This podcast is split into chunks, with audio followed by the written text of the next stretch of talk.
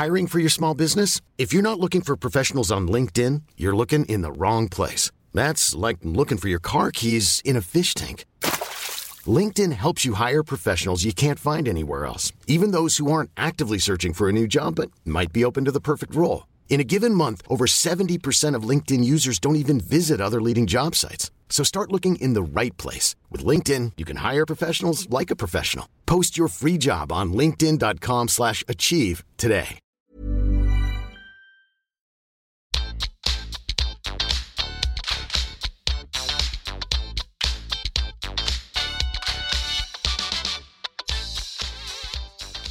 Sammen, og velkommen tilbake til podkasten Karriereveiledning med Elaine. Ukens tema det er nemlig det å være ny i jobben. Det har jo vært en spesiell tid, og er en spesiell tid med tanke på koronaen. Samtidig så er det allikevel sånn at det faktisk er ganske mange som er nye i jobbene sine for tiden. Og jeg har fått masse henvendelser knytta til akkurat dette temaet, og derfor så tenkte jeg å gjøre en liten episode på akkurat dette. Vi hopper rett på sak. Det er jo ikke noe tvil om at den første dagen for mange kan virke litt overveldende. Og det er jo noen ting man kan gjøre for å forberede seg selvsagt til den store dagen. Og det første handler jo bl.a. om å være bevisst hva dine egne forventninger og krav er til hvordan du skal være eller produsere, eller hva du skal gjøre de første dagene eller den første uka. Og se dette her opp mot andres krav og forventninger. For er det én ting som ofte gjør at vi roter til mye oppi vårt eget hode, så er det hva vi tror andres krav og forventninger er til oss, som er uuttalte. Og så går vi ikke i dialog og spør og er konkrete og tydelige. Hva er det du forventer av meg i dag eller de kommende ukene? Sånn at hvis det er noe du kjenner på, så få det out in the open. En arbeidsgiver vil kanskje sette stor pris på, hvis dere ikke har hatt den samtalen, at du rett og slett stiller det spørsmålet. En annen ting som jeg håper du har fått vite fra intervjuet eller fra noen innledningssamtaler, det er en form for onboardingplan eller en opplæringsplan. Enten hvor du får en fadder som følger deg, eller en mentor, eller at det rett og slett er en plan for hvordan det skal være for deg de kommende dagene eller ukene. De fleste seriøse bedrifter har en ombordingsplan eller opplæringsplan. Og har de ikke det, eller du har lite informasjon, igjen her, så ikke sitt på gjerdet og vent. Her handler det om å være proaktiv og rett og slett ta det skrittet og oppsøke lederen din eller de du har i nærheten som har noe med din første dag på jobben å gjøre, og som kanskje da skal følge deg fremover. Det er helt innafor og det er helt ok å være både nervøs og eller spent. Det kan være at eh, den arbeidsplassen du skal begynne på, de er kanskje like spente som deg. Og én ting som kan være lurt, det er å forberede et lite miniforedrag om deg selv. Og det kan jo være fordi at du kanskje kommer til å hilse på mange mennesker. Ikke nødvendigvis håndhilse nå. Nå er det jo koronatider, så det kan være at du må gjøre en liten presentasjon av deg selv på Teams eller Zoom eller på Skype. Eller at du må gi et lite nikk til noen og kanskje fortelle noen setninger om hvem du er. Og dette har du jo trent på, og dette kan du jo også fra en eventuell intervjusetting. Så det handler jo om å være bevisst det førsteinntrykket, og gjerne involver venner og familie før du skal gå på jobb den første dagen, sånn at du kan få satt ord på noen av refleksjonene dine du har rundt nettopp det å skulle være ny. Og én ting, og jeg har jo jobba med karriereveiledning i mange år, som dere vet. Og det jeg har opplevd, og det som faktisk går igjen av de som kjenner at de har lykkes med å ha en god første dag på jobben, ha en god første uke, første måned, det er rett og slett at man har en form for plan og noen daglige gjøremål som du lager i samarbeid med nærmeste leder eller den som skal følge deg opp.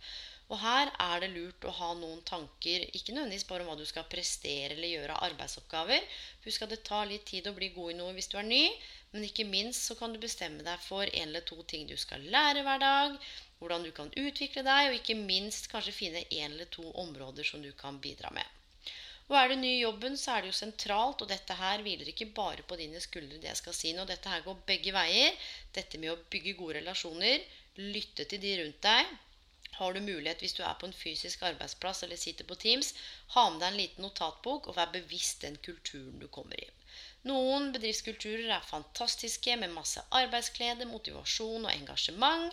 Mens andre kulturer kan gjennomsyres av sladder, dårlig stemning og litt uro. Så her gjelder det å være litt bevisst hvem du snakker med, hva de sier, hva de forteller om bedriften og kulturen. Hvis du møter på noen som er over snittet glad i å sladre eller ikke har noe positivt å si, så må du også gjøre deg noen tanker om hvordan du skal håndtere det. For det er ofte sånn at en del av de som ikke trives veldig godt, også ofte liker å alliere seg med nye, eller alliere seg med noen som skal oppleve det samme som de opplever. Og gjennom det så får man på en måte en sånn felles identitet. Så det kan være litt lurt å tenke på. Still åpne spørsmål knytta til ting du lurer på. Og husk én ting, mine venner. Du skal virkelig ikke kunne alt. Det er mulig at du har gjort noen av de samme arbeidsoppgavene. Det kan godt være at du kommer fra samme bransje. Eller kanskje du er helt ny og har jobbet med kompetansevridning og nå skal komme inn og se på jobben din og rollen din, arbeidsoppgaven, med nye øyne. Du skal ikke kunne alt, og det er virkelig lov å spørre og be om hjelp. Det er noe av det mest sentrale. En annen ting handler også om å være god på å søke tilbakemeldinger og kanskje spørre hvordan du kunne gjort ting annerledes, eller si noe om hva du har lært. Og husk unngå tolkning. Vi bruker så mye tid på hva alle andre mener og tenker og tror om oss. Så sitter vi og spinner masse historier oppi hodet vårt når vi går hjem for dagen. Eller når vi sitter på jobb. Så mer observasjon og mindre tolkning. Og gjør deg selv en tjeneste, og gjerne oppsummer dagen din etter hver dag med en liten notatbok, eller kanskje med en kollega som du har lyst til å spare med, eller en liten sånn debrifing hjemme, så du kan se på hva du har lært, hvordan du har utvikla deg, og rett og slett følge progresjonen din.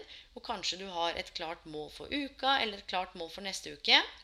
Og er det én ting som du kan spørre om hvis ikke dette har kommet fram, så er det en del bedrifter som har KPI-er, altså såkalte målingsindekser. Men det er jo ikke alle steder man blir målt, så dette må man finne ut av. Og det handler litt om hvordan er det bedriften måler innsatsen din eller prestasjonen din. Det kan være veldig greit på et eller annet tidspunkt å få et overblikk over Kanskje du må til og med være med å sette dine egne KPI-er, så er jo det helt fantastisk. Men poenget er her at det er ganske slitsomt over tid hvis du er ny og du ikke aner hva som forventes av deg. Du veit ikke helt hva du blir målt på. Du er ikke helt klart på hva du skal gjøre. Så her er det viktig å tørre å bruke stemmen sin og på en ærlig og ordentlig måte fortelle om også hva du har behov for for at du skal kunne gjøre en best mulig jobb. Og så er det sånn at jeg skal gi dere en liten modell som heter kompetansetrappa. Så nå får du lukke øynene, eller hvis du kjører bil, så må du overhodet ikke lukke øynene. Men rett og slett lytte og se for deg den modellen her. Se for deg en trapp med fire trappetrinn. På det nederste trappetrinnet så er du noe som heter ubevisst inkompetent. Her er det helt nydelig å være, for her veit du ikke hva du ikke kan. Og dette er sånn typisk da, før du er ny i jobben, så har du ikke peiling på jobben går ut på. Og det er kanskje litt kos å være i intervju, og du forteller om deg selv og kjenner at ja, men dette her, det her ordner seg. Men allikevel så vet du fortsatt ikke hva du ikke kan, for du har jo ikke stått i det ennå. Så her er det et big smiley face. Så kommer du til trinn to i kompetansetrappa. Og dette her er kanskje den første eller andre dagen på jobb hvor du begynner å kjenne på dette her. Hvor du plutselig blir bevisst inkompetent. Her blir du klar over alt du skal mestre, alt du skal lære deg, og alt det du ikke kan. Mangel på mestring her kan ofte oppleves for mange som ganske tungt og vanskelig og frustrerende og demotiverende. Og veldig ofte her så kan mange lure på om de faktisk har begynt i helt feil jobb.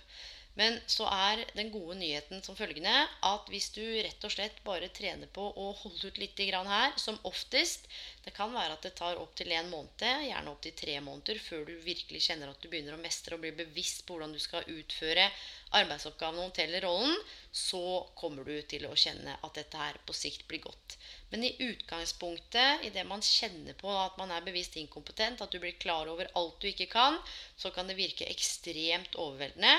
Så her gjelder det rett og slett å bare huske på at det er et lys i enden av tunnelen. Men har det gått tre måneder, og det er helt krise, og du kjenner at du er helt på feil hylle, og kanskje før det Dette må du kjenne etter. Så må du selvfølgelig stoppe opp og gjøre deg noen tanker om hva som er årsaken til at du opplever det akkurat sånn som det her. Så det første trinnet, ubevisst inkompetent. Her veit du ikke hva du ikke kan. Det er som før du skal lære deg å kjøre en bil. Du har ikke peiling. Så kommer trinn to, bevisst inkompetent. Du setter deg inn i bilen, og så tenker du Oh my. Alt det du skal huske på samtidig, og så kjenner du alt det du ikke kan.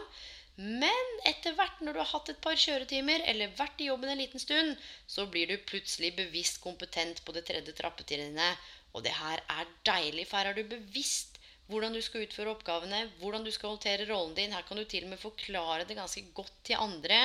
Kanskje vise andre, for du er ekstremt klar på årsaken til hvorfor det gjør sånn. Og det, det, du er fortsatt såpass fersk at det sitter helt klart for deg at du er såpass bevisst på hvordan du trykker der, hvorfor du gjør sånn. Og dette her er et fantastisk sted å være. Her er det en superbig smiley. Og når du har vært på det tredje trappetrinnet en stund, så vil du etter hvert som du begynner å være Jeg skal ikke si gamle game, men du har vært der en stund, så blir du ubevisst inkompetent. Og her er det sånn at du bare gjør ting uten å tenke over det. Så kanskje du er en som jobber med mennesker, og en del av jobben din er å bygge relasjoner og du gjør en fantastisk jobb med de menneskene du jobber med, men så kommer det inn en helt som, er, som er, helt ny, og så sier han du, jeg er litt nysgjerrig. Hva er det du gjør eh, som gjør at disse samtalene funker så godt med de du jobber med? Men du har jo holdt på en stund nå, så du har gått fra å være bevisst kompetent til ubevisst inkompetent. Så du veit egentlig ikke hva du gjør lenger. Så svaret ditt er ofte at 'nei, men du, jeg bare, jeg bare gjør det. Det bare funker'. Så her, når man kommer hit hvor det er fantastisk å være, hvor man blir ubevisst kompetent, du bare gjør det av ren vane eller automatikk, så kan det også av og til være lurt å tråkke et steg ned på trappetrinnet og bli bevisst igjen på hvorfor det var du gjorde det på akkurat den måten der. Og dette gjelder de fleste yrker. For det er noe med å ha med seg en form for sånn refleksivitet eller refleksjoner rundt sin egen rolle, eller hvordan du utfører oppgavene. For det betyr at noen ganger, hvis man er ubevisst kompetent, så kan man låse seg i ulike mønstre som man har holdt på med altfor lenge, fordi det funker. Men hele essensen her er at det tar tid å komme inn i noe. I hvert fall for noen. Kommer helt an på hva slags yrke det er. Og du skal ikke være verdensmester. Og det å være ny jobb det kan være helt fantastisk. Det kan være skummelt, det kan være spennende, du kan være nervøs, du kan kjenne på uro. Kanskje du skal forholde deg til masse nye mennesker. Og hvis det er sånn at du opplever at du er eh, sjenert, så kan det være greit å sette ord på det. For det er ingen skam i å være sjenert. Det kan være at du ikke er liksom den som tar ord i store forsamlinger eller trenger all den oppmerksomheten. Det kan godt være at du liker å være stille og rolig og observere. Og noen ganger kan det være greit å sette ord på det også og si at vet du hva, det, det er det jeg på en måte er komfortabel med nå. Og så kan det være at etter hvert når du blir tryggere, at det kommer fram andre sider av deg. Og det kan også være at du er kjempeutadvendt og liker å være the life of the party. Så kan det også være greit å, om ikke tone det ned, men i hvert fall tenke litt på hva er rollen din? Hvordan påvirker dette her andre? Så den kombinasjonen av å være bevisst på deg selv, din egen atferd og språket ditt, sammen med hvordan du passer inn i kulturen, og hvordan de andre ansatte er. Men så er det den aller siste ting jeg skal si. Ha med deg kjerneverdiene, den du er, og det er ikke bare ditt ansvar alene å bære at det skal gå bra med deg i ny jobb.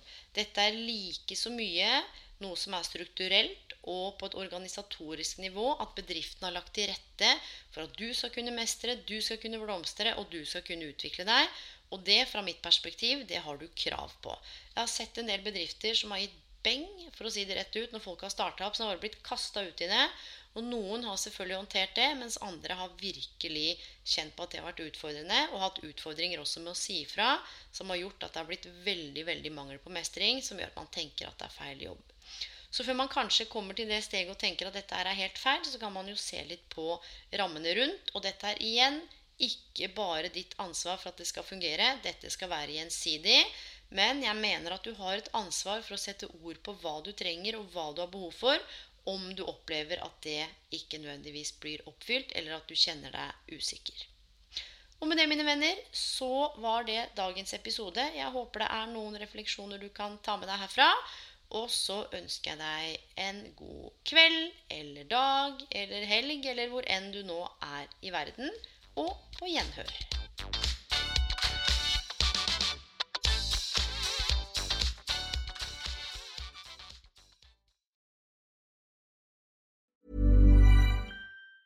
Even on a budget. That's why Quince is the place to score high-end essentials at 50 to 80% less than similar brands. Get your hands on buttery soft cashmere sweaters from just 60 bucks, Italian leather jackets, and so much more. And the best part about Quince, they exclusively partner with factories committed to safe, ethical, and responsible manufacturing. Elevate your style without the elevated price tag with Quince. Go to quince.com slash upgrade for free shipping and 365-day returns. My business used to be weighed down by the complexities of in person payments. Then, Tap to Pay on iPhone and Stripe came along and changed everything. With Tap to Pay on iPhone and Stripe, I streamlined my payment process effortlessly. Now I can accept in person, contactless payments right from my iPhone. No extra hardware required. What's truly remarkable is how I can cater to all of my customers' payment preferences. Whether they're using cards, Apple Pay, or other digital wallets, Tap to Pay on iPhone and Stripe ensure a smooth checkout experience every time. And it's not just me. Stripe helps businesses of all sizes, from local markets to global retailers, scale quickly and stay agile. To learn how Tap to Pay on iPhone and Stripe can help grow your revenue and reach, visit stripe.com slash tap iPhone.